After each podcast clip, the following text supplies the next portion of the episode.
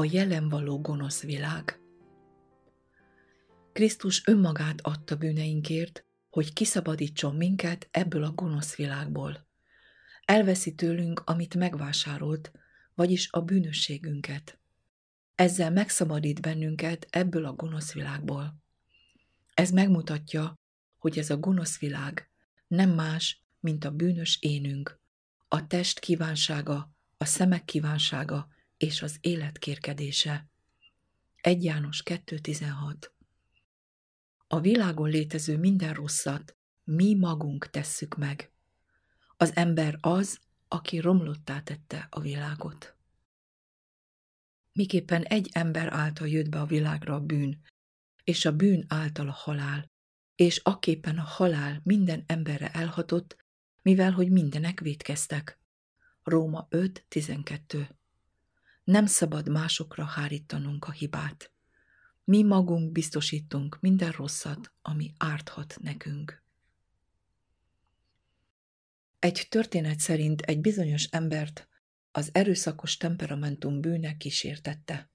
Gyakran dühös lett, de mindig a bosszantó embereket okolta, akikkel együtt élt. Azt állította, hogy ilyen emberek között senki sem teheti azt, ami helyes. Ezért úgy döntött, hogy kivonul a világból, és remete lesz. Az erdőben lévő barlangot választotta otthonának, távol minden emberi élőhelytől. Egyik reggel fogta a kancsóját, és elment egy közeli forráshoz vizet meríteni a reggelihez. A követ algák borították, és a folyamatos vízáramlás csúszossá tette. Amikor a kancsót a csobogó víz alá tartotta, az megcsúszott. Újra a körre tette, de a kancsó megint megcsúszott. Ezt kétszer vagy háromszor megismételte, és minden alkalommal egyre nagyobb erővel tette vissza a korsót. Végül a remete elvesztette türelmét, és azt mondta, majd meglátod, hogy ott maradsz. Felemelte a korsót, és olyan határozottsággal rakta vissza a köre, hogy az összetört. Senki sem volt ott, akit hibáztathatott volna. Ezért józanésszel elismerte, hogy nem a körülötte lévő világ, hanem a saját belső világa tette bűnössé. Kétségtelen, hogy minden ember felismerhet egy saját tapasztalatot ebben a történetben. A szerzetesi cellájában, ahol a világ elől menekült el, Luther felfedezte, hogy bűnei súlyosabbak, mint voltak valaha. Bárhová megyünk, magunkkal visszük a világot. A szívünkben és a hátunkon cipeljük. Ez egy nehéz teher, ami összezúz bennünket. Azt tapasztaljuk, hogy amikor jót cselekszünk, a gonosz hozzánk van ragasztva. Róma 7.21 Mindig jelen van, a jelen való gonosz világ, míg kétségbe esetten felkiáltunk, ó, én nyomorult ember, kicsoda szabadít meg engem e haláltestéből. Még Krisztust is a legerősebb kísértések környékezték meg a pusztában, távol minden emberi lakóhelytől. Mindezek arra tanítanak minket, hogy a remeték és a szerzetesek nem részei az Úr tervének. Isten emberei a föld sója, de a só, bármilyen jó is, haszontalan, ha dobozba zárják. Össze kell keverni azzal, amit tartósítania kell. A szabadítás Isten meg tudja tenni azt, amit ígért. Ő mindeneket megcselekedhetik feljebb, hogy nem mint kérjük vagy elgondoljuk, ami bennünk munkálkodó erő szerint. Efézus 3.20 Ő titeket minden bűntől megőrizhet, és az ő dicsősége elé állíthat fedhetetlenségben nagy örömmel. Judás 24. verse Jézus önmagát adta bűneinkért, hogy megszabadítson minket, és halála nem volt hiába való.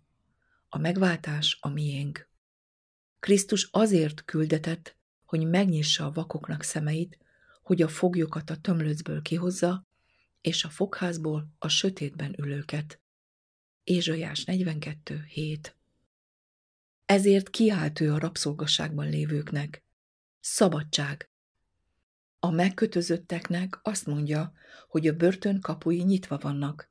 Ézsaiás 61. 1. Minden rabnak azt mondja, gyertek ki! Bárki mondhatja, ha akarja. Hallgass meg, Uram, mert én bizonyára a te szolgád vagyok, szolgád vagyok én, a te szolgáló leányodnak fia. Te oldoztad ki az én köteleimet. 116. Zsoltár, 16. vers. Ez igaz, akár hisszük, akár nem. Az Úr szolgái vagyunk, bár meg lehet makacsul tagadjuk, hogy szolgáljuk őt. Megvásárolt minket, és ezzel elszakított minden köteléket, amely megakadályozta, hogy szolgáljunk neki. Bírunk a világ feletti győzelemmel, ó, bár csak hinnénk. Egy János 5. rész, 4. vers. János evangéliuma, 16. rész, 33. vers. A nekünk szóló üzenet az, hogy vége van nyomorúságának, és bűne megbocsátatott. Ézsaiás 40. rész, második vers. Ahhoz, hogy lássuk, hogy Isten győzelmet adott nekünk, csak kiáltanunk kell, ahogy kiáltott Izrael Jerikó előtt. Isten meglátogatta és megváltotta az ön népét. Lukács 1, 68 Sionból jött a szabadító, hogy eltávolítsa Jákob istentelenségét. Róma 11, 26 Hála az Istennek, aki a diadalmat adja nekünk, ami Urunk Jézus Krisztus által. 1 Korintus 15, 57 Isten akarata Ez a megváltás Istenünk és Atyánk akarata szerint történik. Isten akarata a mi megszentelésünk. 1 Tesszalonika 4.3 Isten azt akarja, hogy minden ember üdvözüljön, és az igazság megismeréséhez jusson. 1 Timóteus 2.4 Ő mindent az ő akaratának tanácsából cselekszik. Efézus 1.11 Az egyetemes üdvösséget akarod hirdetni? kérdezhetné valaki. Csak azt akarjuk prédikálni, amit Isten ígéje tanít, hogy megjelent az Isten üdvözítő kegyelme minden embernek. Titus 2.11 Isten minden embernek elkészítette az üdvösséget, és felajánlotta neki. De a legtöbben megvetik és eldobják. Az ítélet felfedi majd, hogy teljes és tökéletes üdvösség lett felajánlva, és az elveszettek szándékosan elvetették azt a jogot, amelyet bírtak születésük által. Következésképpen az isteni akaratnak örvendezni kell, nem pedig feszült arccal elfogadni és egyszerűen elviselni. Még ha szenvedéssel is jár, ez javunkra szolgál, és készen áll arra, hogy igen-igen nagy örök dicsőséget szerezzen nekünk. Róma 8.28 és 2 Korintus 4.17 Az ő akarata törvényben nyilvánul meg. Róma 2.18 Ezért tanulmányoznunk kell azt, Krisztussal együtt kijelentve, teljesíteni a te akaratodat, ezt kedvelem én, Istenem. A te törvényed keblem közepette van. 40. Zsoltár, 9. vers.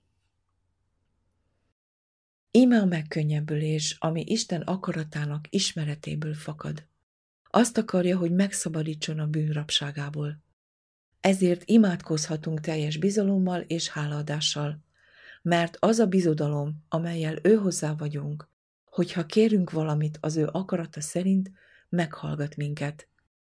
És ha tudjuk, hogy meghallgat bennünket, akármit kérünk, tudjuk, hogy megvannak a kéréseink, amelyeket kértünk őtőle.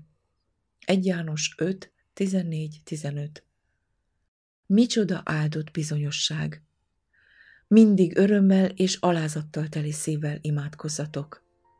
Legyen meg a te akaratod, mint a mennyben, úgy a földön is.